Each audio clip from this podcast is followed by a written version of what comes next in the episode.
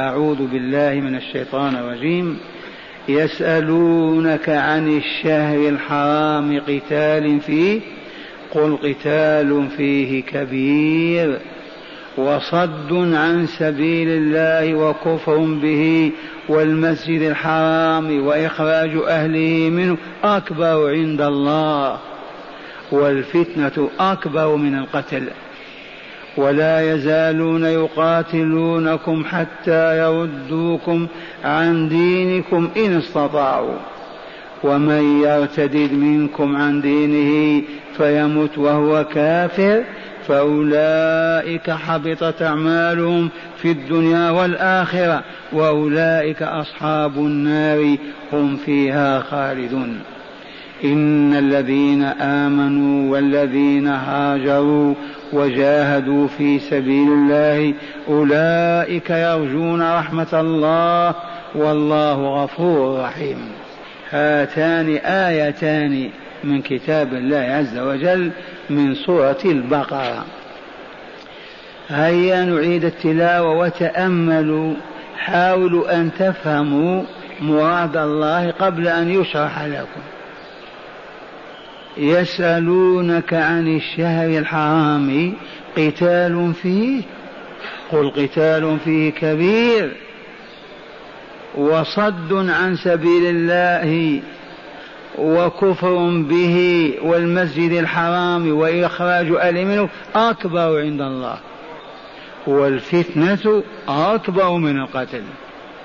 ولا يزالون يقاتلونكم حتى يردوكم عن دينكم إن استطاعوا.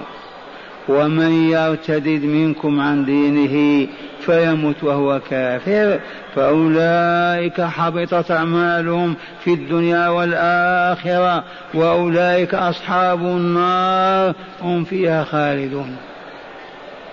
الآية الثانية إن الذين آمنوا وهاجروا إن الذين آمنوا والذين هاجروا وجاهدوا في سبيل الله أولئك يرجون رحمة الله والله غفور رحيم. كيف أنتم؟ أعيد وتأملوا لتعرفوا أنكم أصبحتم تعلمون. يسألونك عن الشهر الحرام قتال فيه؟ قل قتال فيه كبير وصد عن سبيل الله وكفر به والمسجد الحرام وإخراج أكبر عند الله. إذا ولا يزالون يقاتلونكم حتى يردوكم عن دينكم إن استطاعوا. ومن يرتد منكم عن دينه فيمت وهو كافر فأولئك حبطت أعمالهم في الدنيا والآخرة وأولئك أصحاب النار هم فيها خالدون. هذه الآية الأولى. إن الذين آمنوا والذين هاجروا وجاهدوا في سبيل الله أولئك يرجون رحمة الله والله غفور رحيم. إن شاء الله ألممتم لاحت أنوار القرآن فيكم. هيا نشرح. هذه الآية لها سبب نزلت به. ومعرفة أسباب النزول تساعد تعين على فهم المقصود. يسألونك من المسؤول؟ قولوا رسول الله صلى الله عليه وسلم إذ الله يخاطب يسألونك يا رسولنا من السائلون؟ الله أعلم. ما يذكرهم سترا عليهم. وهؤلاء السائلون منهم المنافقون منهم اليهود منهم ضعفة الإيمان منهم لأن حادثة وقعت بلبلت أفكارهم.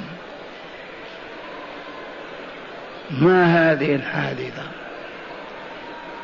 لما استقر النبي صلى الله عليه وسلم بهذه المدينة وقبل وقعة بدر لأول مرة لما أصبح قادرا على الجهاد ونزلت آية يس كتب عليكم القتال وهو كره لكم. وعسى أن تكرهوا شيئا وهو خير لكم وعسى أن تحبوا شيئا وهو شر لكم. هذه الآية كتب فرض. إذا فبدأ الرسول ينفذ مراد الله. فانتخب سرية من سرايا الإسلام على رأسها عبد الله بن جحش. رضي الله عنه. هذا أخو أم المؤمنين زينب بنت جحش. هذا الشاب. إذا ومعه بعض أفراد. وقال بسم الله. ابحثوا عن قوافل قريش. وتتبعوا تحركاتها وتعرفوا إلى أحوالها. فذهبوا إلى بطن نخلة أو بطن وادي نخلة بين الطائف ومكة. فعثروا على عير. العير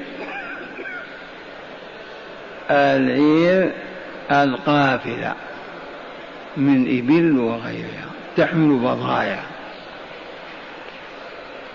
وعلى رأسها عمرو عبد الله بن عمرو المخزومي. فاشتبكوا معها فقتلوا رئيسها عمرو بن الحضرمي. فقتلوه وأسروا اثنين وأخذوا القافلة وجاءوا بها إلى المدينة. متى كانت الوقعة؟ كانت آخر يوم من جماد الثانية. جماد المقبلة هذه في آخرها كانت الحادثة. آخر يوم من جماد ليس من الشهر الحرام. أول ليلة هي ليلة رجب وهو من الشهر الحرم بل هو أعظم شهر في الحرمة. ما إن سمعت قريش بالحادثة حتى اختنقت وأخذت تصيح انظروا إلى محمد يستبيح القتال في الشهر الحرام. أين الدين الذي يدعو إليه وأين الإسلام كما يقول؟ كيف يستبيح القتال في الشهر الحرم وجاء الخبر إلى المدينة وأوقف الرسول الأسرى. ما تصرف فيهم والغنيمة كذلك. وأخذ المنافقون واليهود ومرضى هيجان. لأن الإسلام كما دخل هذا السنة الأولى دي أول سرية في الإسلام. وكثرت التساؤلات وأبواق المجرمين والمنافقين لا تسأل فنزلت هذه الآية فيصلا يسألونك عن الشهر الحرام قتال فيه أي يسألونك عن القتال في الشهر الحرام. فقتال بدل. يسألونك عن الشهر الحرام أي عن القتال فيه. قل قتال فيه كبير. إثم كبير. لكن عبد الله رئيس السرية ما قاتل في رجب قاتل في آخر يوم جمادة وأنتم تشنعون وتقولون. آخر يوم جمادة ما هو في رجب. ثم نحن نقول نسلم. قل قتال فيه كبير. ولكن وصد عن سبيل الله وكفر به وصد عن المسجد الحرام وإخراج أهله منه أكبر عند الله. تتبجحون في قضية تافهة وما تم القتال في الشهر الحرام. لكن نحن نعم نعترف بأن القتال في الشهر الحرام حرام. لكن أنتم الآن خفتم من هذا الإثم إثم عظيم. تعالوا ندلكم على ذنوبكم. أولا صد عن سبيل الله وصرف للناس عن الإسلام بالقتال وبالدعاء وبكل. هذا الصد حلال يعني؟ أي إثم أعظم من هذا؟ وكفر به أي بالله والشرك به هذا أيضا شيء قليل. والمسجد الحرام أي والصد عن المسجد الحرام ومنع المسلمين من دخوله هذا أيضا لا بأس. أعظم ذنب هذا وإخراج أهله منه أي من المسجد الحرام بطرد المؤمنين حتى هاجروا. هذا أكبر عند الله. من كون القتال وقع خطأ في آخر يوم جمادى والفتنة أكبر من القتل. فتنة المؤمنين حتى يخرجوا من دينهم بالضرب والغمس في الماء والإحراق بالنار. أكبر. عرفتم الآن؟ اسمع الآية. يسألونك عن الشهر الحرام قتال فيه. قل قتال فيه كبير. وصد عن سبيل الله وكفر به والمسجد الحرام وإخراج أهل منه. أكبر عند الله. والفتنة أكبر من القتل. فأسكتهم. انتبهتم؟ ثم قال تعالى ولا يزالون يقاتلونكم. لن يفرغوا أبدا من قتالكم ولن ينتهوا حتى يردوكم عن دينكم حسب ما يرون ويزعمون. وهذه كشف عن نيات الكفار وما يدور في خلدهم وما هم عليه إلى اليوم. ولا يزالون يقاتلوكم لعلة ماذا؟ كي يردوكم عن دينكم. إن استطاعوا. وهذه الجملة هذه تبشرنا بخير أنهم ما يستطيعون.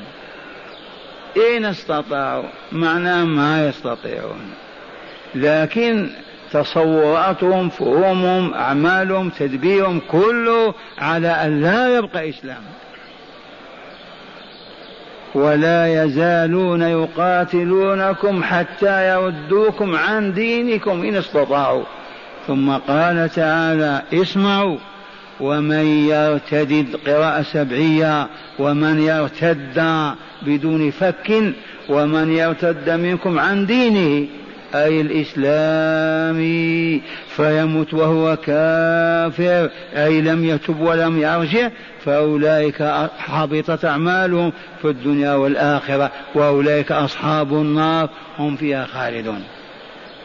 حتى ما يفكر مؤمن في أن يرتد لا لدنيا ولا ولا ولا لأنه إهباط كامل وحبوط لا حد له.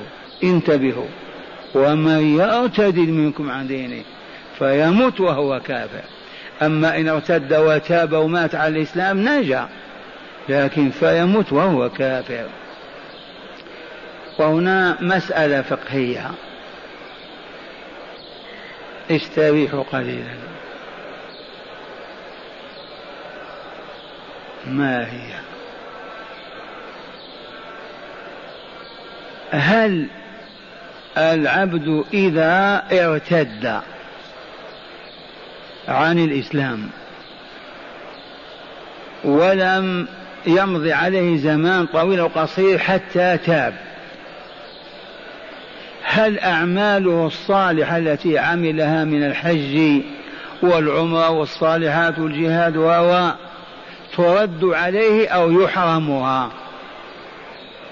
ويستأنف العمل من جديد. أعيد القضية. فلان ارتد بعدما عاش عشرين سنة في الإسلام. أصبح البرنيط على رأسه والصليب في عنقه. قضى فترة من الزمان تطول تقصر ثم تراجع وندم وعاد إلى الإسلام. هل أعماله الصالحة التي عملها أيام إسلامه تمسح وتنسخ وتحبط بكفره وإلا لا. قولوا الله أعلم. الجمهور أكثرية الأئمة على أن أعماله الصالحة تعود إليه. لا على أن عمل الصالح لا تعود إليه. إلا الشافعي يقول لا تعود إليه. الجمهور احتجوا بقول الله تعالى لئن أشركت لا يحبطن عملك ولا تكونن من الخاسرين. الشافعي رحمه الله قال هذا اللفظ عام هيا نقيده بقوله فيمت وهو كافر. انتبهتم؟ ونتيجة هذا هذا الذي كان قد حج واعتمر وارتد ثم عاد. هل يجب عليه الحج مرة ثانية وإلا يعتبر حجه الأول عملا صالحا له؟ الجمهور عليه أن يعيد الحج لأن الشرك محبط للعمل بطل ما بقي له شيء. ورأي الجمهور أصوب. تبهتم؟ ولقد أوحي إليك وإلى الذين من قبلك. ماذا؟ لئن أشركت ليحبطن عملك ولا تكونن من الخاسرين. وبالإجماع أن الشرك مبطل للأعمال محبط لها. يبقى إذا عاد إلى الإسلام هل الأعمال الأولى ترد له ويثاب عليها وقد محاها بكفره؟ الصواب أنها لا تعود. يستأنف العمل من جديد. يحج يعتمر.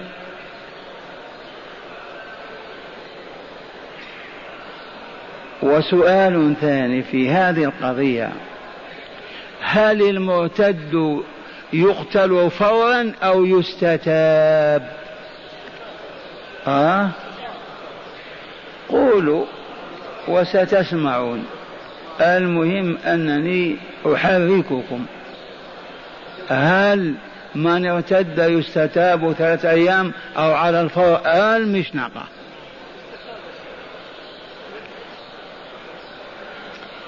الجواب كما قلتم يستتاب. كم يوما؟ موجود في الهيئة أو في مركز الشرطة يعرضون عليه تتوب وإلا لا؟ أقول ما توضى وصلي.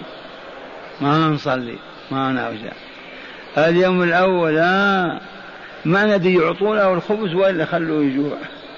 لا يعطونه ممكن يتوب يطعمونه. اليوم الثالث كم الساعة؟ الساعة الثانية. آه ما تتوضا وتصلي ولا لا؟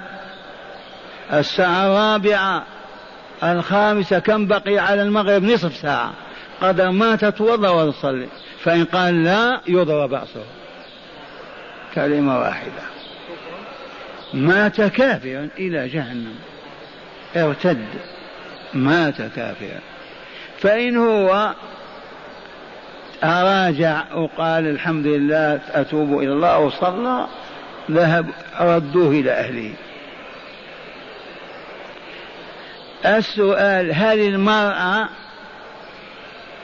تقتل بالردة أو لا؟ زينوبة ارتدت.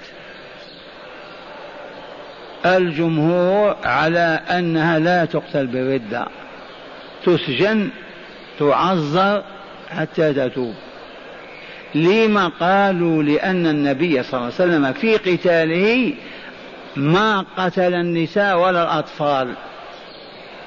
وحرم قتل النساء والأطفال في الحرب. إذا خضنا معركة وانتصرنا لا يحل لمؤمن أن يقتل امرأة إلا إذا حملت السلاح ودخلت المعركة لمقاتلة. والأطفال كذلك. قالوا إذا وهنا المرأة لما تقتل؟ ما دام الرسول قد عفى عن قتلها وهي كافرة. إذا يعفى عنها الآن وهي كافرة لكن لا بد من تعزير. إن كانت متزوجة تفصل عن زوجها على الفور. حرام لا تحل له.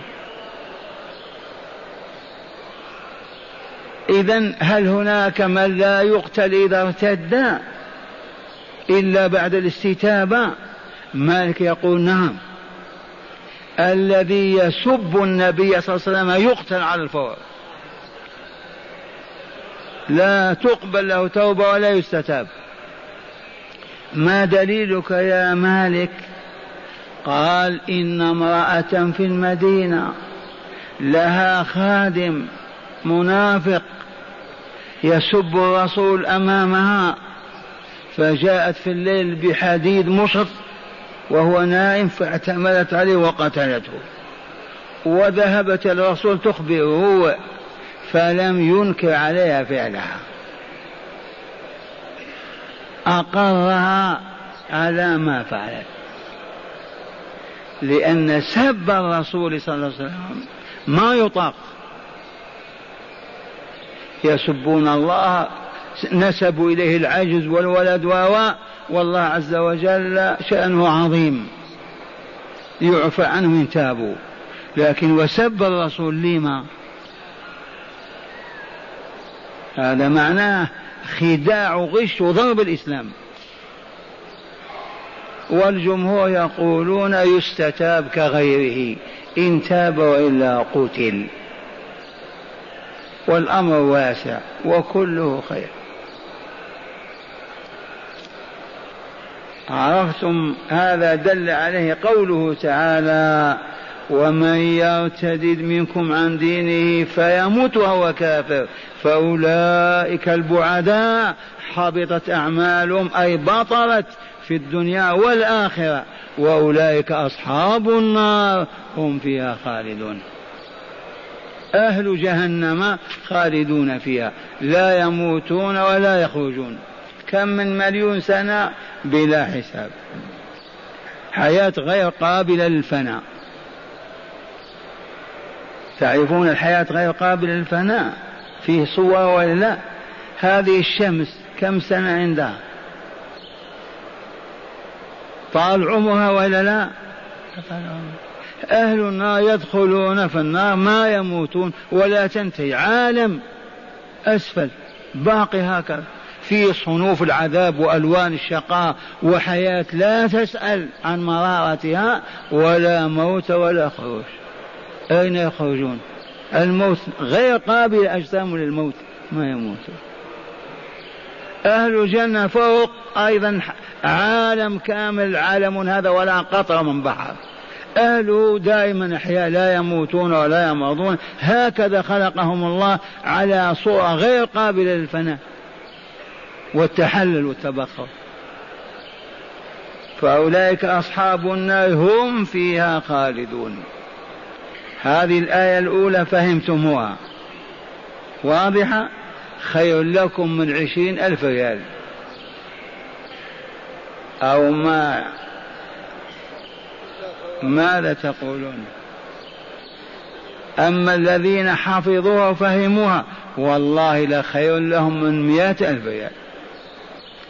مئة ألف ريال ممكن توقعك في الفتنة والبلاء والشقاء. ماذا تستفيد؟ في أكثر من أن تأكل وتلبس ثوب واحد وقوس عيش يكفيك طول حياتك. الآية الثانية إن الذين آمنوا والذين هاجروا وجاهدوا في سبيل الله أولئك السامون الأعلون يرجون رحمة الله والله غفور لهم رحيم بهم. هذه نزلت أيضا في عبد الله بن جحش صهر النبي صلى الله عليه وسلم. إذ هو الذي قاد السرية وإلا وهو الذي قاتل عمرو بن عمرو المخزومي وأصبح هو أيضا خائفا مع أصحابه والرسول ما بت في القضية ما زال الأسر على ما هم عليه والغنيمة كذلك حتى يجي حكم الله. فكان في كرب مع أصحابه. ينتظرون حكم الله فيهم. بل وحتى جيرانهم الناس كلهم إذ هم سبب القضية. فقال تعالى مخبرا مؤكدا الخبر إن الذين آمنوا عبد الله بن جحش ما آمن رفقته ما آمنوا من قبل وهاجروا والذين هاجروا ما هاجروا من مكة إلى المدينة وجاهدوا في سبيل الله لا في سبيل الدنيا ولا المال.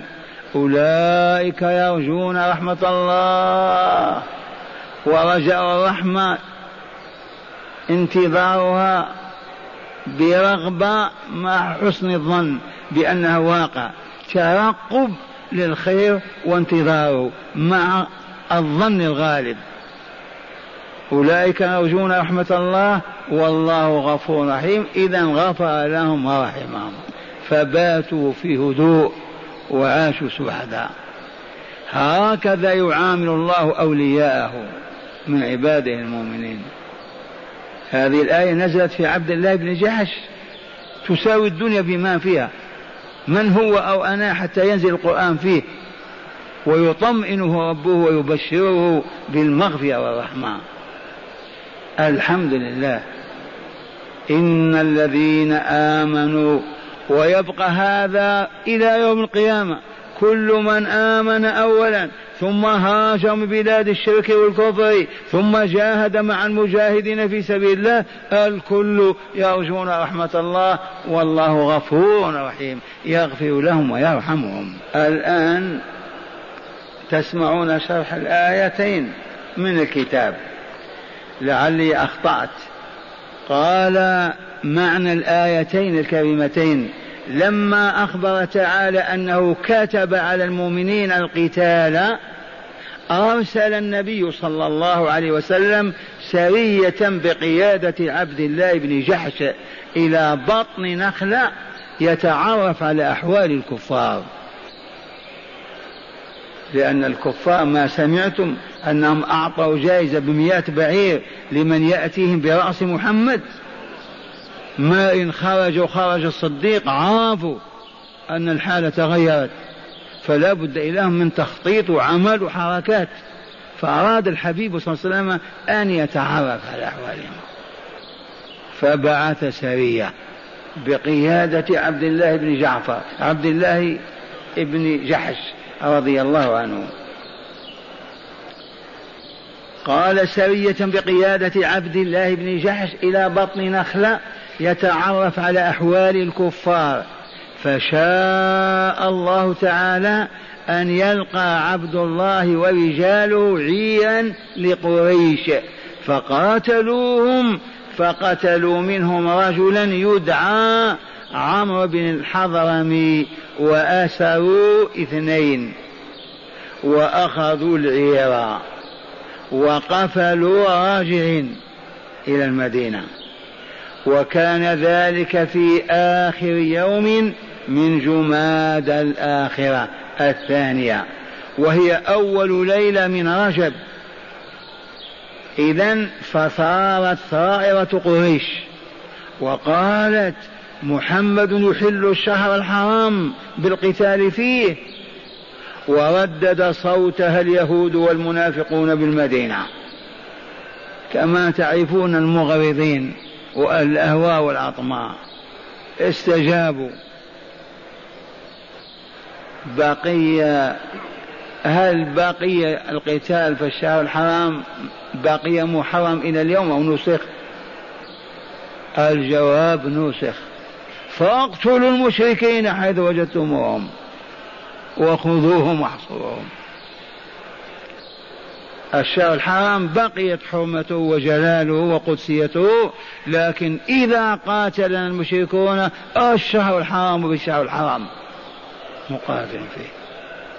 وإذا اضطرنا إلى قتالهم نقاتلهم في الشهر الحرام إذ قاتلهم الرسول صلى الله عليه وسلم في الطائف في آخر شوال وأول القعدة غزوة حنين وثقيف. ثم ما تنسوا أن الذي حرم هذه الأشهر هو الله. عرفتم ولا لا؟ وقرر هذا ورسخه في قلوب العرب في الجاهلية قرونا من أجل ماذا؟ ليفسح لهم مجال لأن يتنقلوا في الجزيرة تجارا وعمالا ويتراحمون هدنة ربانية. والله ما تستطيع الأمم المتحدة. إذا دخل الشهر الحرام وقف السلاح لا إغارات لا غزو لا سطو لا لا أبدا. من فعل هذا؟ من خلق القلوب وهو يقلبها. والعلة أن يعيشوا في هذه الأشهر حتى يتمكنوا من حياتهم. قال تعالى جعل الله الكعبة البيت الحرام والشهر الحرام والهدي والقلائد قياما للناس لحياة لتقوم حياتهم على هذه الأشهر الآمنة التي لا قلق فيها ولا خوف.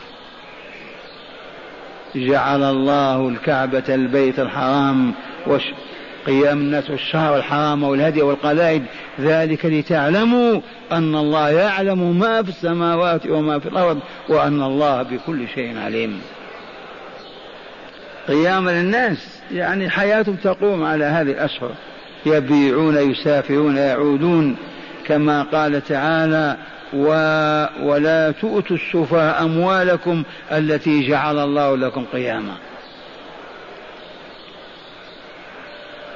عرفتم هذه؟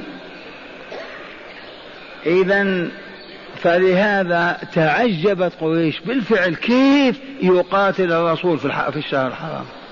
وهو رسول الله. ووجد فرصة للتشنيع والتهويل. واسمع ما قالوا. قال وأخذوا العير وقفلوا راجعين وكان ذلك في آخر يوم من جماد الثانية وهي أول ليلة من رجب.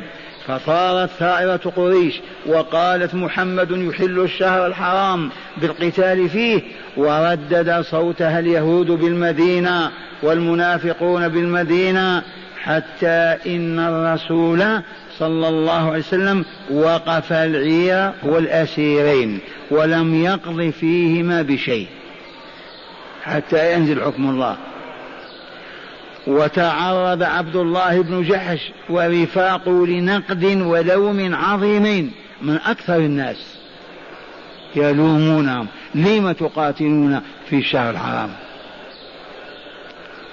قال وما زال الأمر كذلك اللوم العتاب والصياح والضجيج حتى أنزل الله تعالى هاتين الآيتين.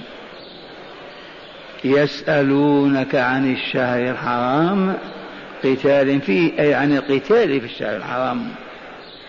أي عن القتال فيه أجيبهم يا رسولنا أجيبهم يا نبينا قل لهم القتال فيه وزر كبير بعيد غير أن الصد عن دين الله والكفر به تعالى وكذا الصد عن المسجد الحرام وكذا إخراج الرسول منه والمؤمنين وهم أهله وولاته بحق وهم أهل وولاته بحق.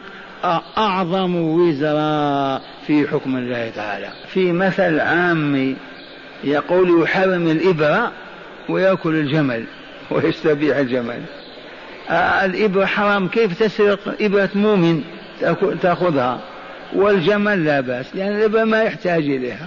ما له بحاجة يقول حرام هذه. والجمل لا بأس. فهم يحرمون القتال في الشهر الحرام ويفعلون كل الأباطيل والشرور القتل والتهجير والكفر وما إلى ذلك. قال يسألونك عن الشهر الحرام قتال فيه أي عن القتال فيه أجبهم يا رسولنا وقل لهم القتال فيه وزر كبير أي إثم كبير. بيد أن الصد عن دين الله والكفر به تعالى وكذا الصد عن المسجد الحرام وإخراج الرسول منه والمؤمنين وهم أهله وولاته بحق. أعظم وزرا في حكم الله تعالى. كما أن شرك المشركين في الحرم وفتنة المؤمنين فيه لإرجاعهم عن دينهم الحق إلى الكفر بشتى أنواع التعذيب أعظم من القتل في الشهر الحرام. مضافا إلى كل ذلك عزمهم على قتال المؤمنين إلى أن يردوهم عن دينهم إن استطاعوا. ثم أخبر تعالى المؤمنين محذرا إياهم من الارتداد مهما ما كان العذاب يصب عليهم. يحذرهم أن من يرتد عن دينه ولم يتب بأن مات كافرا فإن أعماله الصالحة كلها تبطل ولا يص ويصبح من أهل النار الخالدين فيها أبدا. ما إذا عذب المؤمن على الفور يلبس برنيطة ويقول أنا مسيحي. يصبر. لكن إذا كان العذاب شديد يغمسونه في الماء أو يكونه بالنار أو كذا في تلك الحالة يعطيهم ما طلبوا منه. يسب الله أو الرسول كما يريدون. إذ كان عمار ووالده ياسر وسمية يعذبون بالغمس في الماء. يجرونهم على الأرض الحارة والعصا فيمر بهم الرسول فيقول عمار أعطيهم؟ عمار أعطيهم؟ هم يطالبون ماذا؟ امدح آلهتنا وسب الرسول ودينه. أو نبقى نعذبك. ونزل في ذلك قول الله تعالى إلا من أكره أي على الكفر وقلبه مطمئن بالإيمان. فلا حرج. قال مضافا إلى كل ذلك عزمهم على قتال المؤمنين إلى أن يردوهم عن دينهم إن استطاعوا. إذ قال تعالى ولا يزالون يقاتلونكم حتى يردوكم عن دينكم إن استطاعوا. ثم أخبر تعالى المؤمنين محذرا إياهم من الارتداد مهما كان العذاب أن من يرتد عن دينه ولم يتب بأن مات كافرا فإن أعماله الصالحة كلها تبطل سواء كان جهادا أو حجا أو صلاة أو صياما. ويصبح من أهل النار الخالدين فيها أبدا. قال هذا ما تضمنته الآية الأولى. ما هي الآية الأولى؟ يسألونك عن الشهر الحرام قتال فيه قل قتال فيه كبير وصد عن سبيل الله وكفر به والمسجد الحرام وإخراج أهل أكبر عند الله والفتنة أكبر من القتل ولا يزالون يقاتلونكم حتى يردوكم عن دينكم إن استطاعوا. ومن يرتد منكم عن دينه فيمت وهو كافر فأولئك حبطت أعمالهم في الدنيا والآخرة وأولئك أصحاب النار. هم فيها خالدون. ذي الآية الأولى. الآية الثانية. إن وقال نعم هذا. ما تضمنته الآية الأولى. أما الآية الثانية إن الذين آمنوا والذين هاجروا.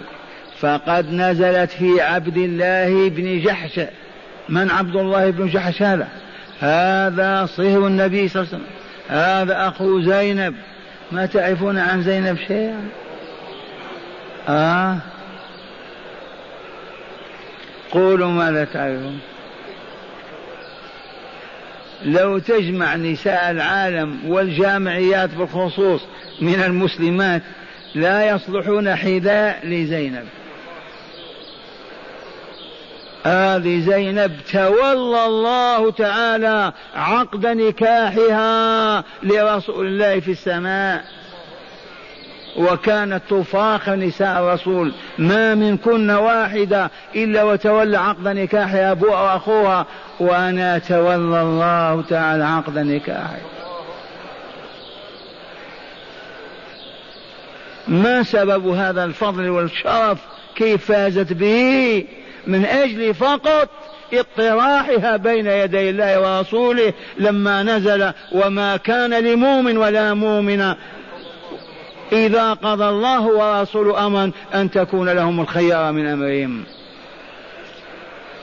لأن زينب بنت عمة الرسول صلى الله عليه وسلم أمه عمة الرسول. زينب لما جاءت مهاجرة مع أخيها عبد الله أراد الرسول أن يزوجها مولاه زيد بن حارث الكلبي رضي عنه. فخطبها والرسول يستحي الرسول يستحي والله لو جمعت حياة الأمة كلها ما كان حياء رسول الله صلى الله عليه وسلم. ما يخاطب الشخص في وجه هكذا من حيائه.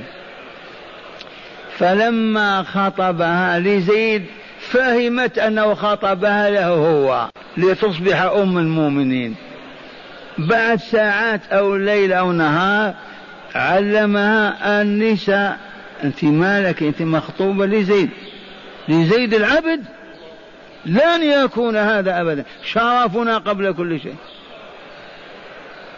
وأخو عبد الله وقف إلى جنبه. كيف شريفه قرشيه تزوج عبد من العبيد مملوك؟ لن يكون هذا أبدا. ولكن الله أراد أن يكون. ليهدم به بناء بنته الأيدي الكافرة وهي ان وهو أن من تبنى ولدا يصبح كولده لا ينكح ابنته. اذا وزيد كان متبنى للنبي صلى الله عليه وسلم. اشترته خديجة في حادثة معروفة ووهبته للرسول والرسول اعتقه وتبناه أيضا. كان يعرف بزيد بن محمد. فأراد الله أن يبطل هذا التبني من أساسه. إذا فكيف يصنع الجبار وهو, التد وهو ذو التدبير الحكيم؟ إذا فأمر رسوله أن يخطب زينب لمولاه. ففهمت أنه مخطوب للرسول فرحت وقرت عيناها. بعد يوم أو ساعات تبين أنا مخطوبة لزيد قالت لن يكون هذا. كيف يسمع الأشراف الدنيا أن فلانة تزوجها مولى فأنزل الله تعالى هذه الآية. هذه الليلة لو كنا في بلاد فيها مخامر تبيع الخمر والله ما يبقى واحد يبيع الخمر الليلة. يبقى والذين على سطوحهم الدشوش ويبيتون مع عواهر العالم ومجرميها يتفرجون. لو يحضرون ويفهمون والله ما بات في سطوحهم اسمع. وما كان لمؤمن ولا مؤمنا إذا قضى الله حكم ورسول أمرا أن تكون لهم الخير من أمرهم. ومن يعص الله ورسوله فقد ضل ضلالا مبينا. والله ما إن نزلت الآية وتليت في البيوت وعلى ألسنة النساء والرجال حتى طرحت زينب بين يدي رسول الله. زوجني كما أمرك الله يا رسول الله. وتنازل عبد الله البطل قائد سرية أول سرية في الإسلام ورضي بقضاء الله. وتزوجت زينب مولى. زيد بن حارثة. وتمضي الأيام وزينب نفسها ما هي مرتاحة لهذا الزوج. مرغمة فقط مكرة. فكان زيد يشاهد هذا منها. يرى كأنه يؤذيها فيشكو إلى رسول الله مولاي يا رسول الله. هذه آذيتها نريد أن نفارقه. يقول الرسول اصبر. اصبر. ما هي الآية؟ أمسك عليك زوجك واتق الله. أمسك يا زيد عليك زوجك. لما قال زوجتك؟ الفصيح الزوج الذكر والأنثى. والعامة تقول زوجة بالهال يفصل بين الرجل والمرأة. وإلا الزوج واحد كلهما زوج. أنت كنت فردا ولا لا؟ زوجناك أصبحت زوجا والمرأة أصبحت زوجا. لكن إذا خفت اللبس والاختلاط قول الزوجة بالها ما تقول هذه زوجي هذه زوجتي. لأنهم ما يفهمون هذه زوجي. أمسك عليك زوجك واتق الله وتخفي في نفسك ما الله مبديه. وتخفي يا رسولنا في نفسك ما الله سيظهره. لأن الرسول خايف أن يطلقها زوج ويتزوجها هو ويقول انظر محمد يتزوج مرة ولده. من يطيق هذا؟ مع حيائه وكماله. فكان يخفي هذا. والله يعاتبه ماذا قال؟ له أتخشى الناس؟ والله حق أن تخشاه. فلما قضى زيد منها وطرا زوجناك. من زوجه إياه أبوها؟ الله. فكانت تفاخر. تقول ما منكن يا نساء إلا وتولى عقد نكاحها وليها وتولى عقد نكاح ربي. ما إن نزلت الآية حتى أقام الرسول بالاحتفال بالوليمة والناس يدخلون يأكلون. لا عقد في الأرض ولا شهود ولا أحد. تولى الله زواجها. أما زيد الذي هو كبش الفداء أو الضحية خلد الله ذكراه في الأرض والسماء ولم يظفر بهذا أي واحد غير الرسول. أعطوني مؤمنا ذكر الله اسمه في القرآن سوى رسول الله وزيد. هات. فلما قضى زيد منها وطرا زوجناكها لما؟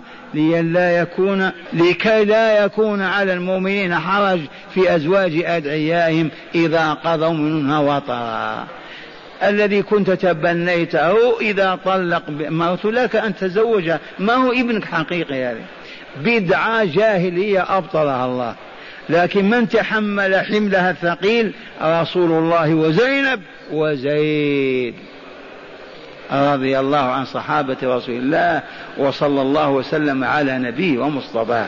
عرفتم الآن من عبد الله بن جحش؟ نعود إلى السياق وإلا انتهينا.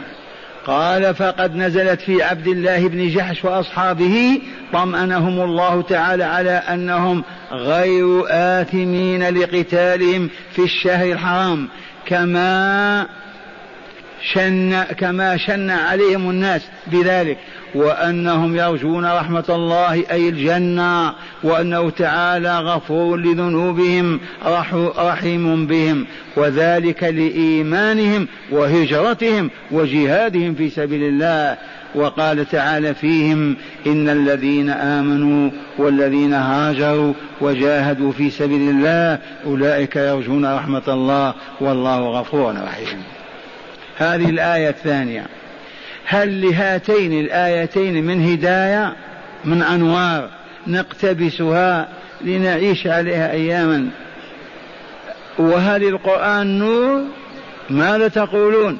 والله إنه لنور.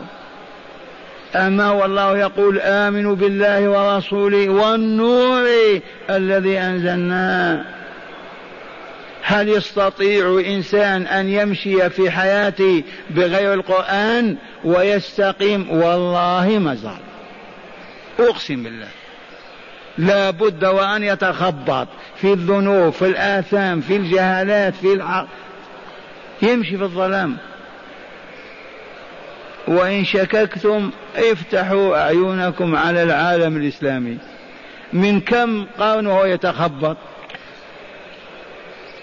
كم من يوم أن أعرض عن كتاب الله وحوله إلى الموت والقبور وهم يتخبطون. إذا للآيات للآيتين هداية. أول هداية حرمة الشهر الحرام والبلد الحرام. يجب أن نحترم الشهر الحرام ومكة ولا لا إلى يوم القيامة. ثانيا نسخ القتال في الشهر الحرام. القتال في الشهر الحرام نسخ يجوز. إذا احتاج المسلمون إلى القتال فيه يقاتلون.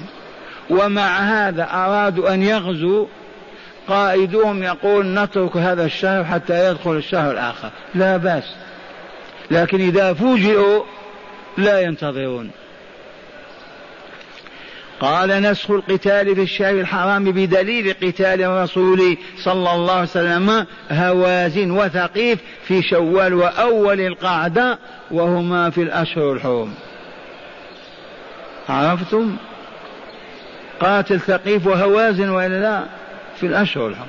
ومعنى هذا أن القتال في الشهر الحرام جائز للمسلمين. لكن يبقى الشهر الحرام معظم لا يعصى فيه الجبار يتقرب فيه الله بالطاعات لأنه أفضل الشهور وأعظمها. ثالثا الكشف عن نفسية الكافرين وهي عزمهم الدائم على قتال المسلمين إلى أن يردوهم عن الإسلام ويخرجونهم منه.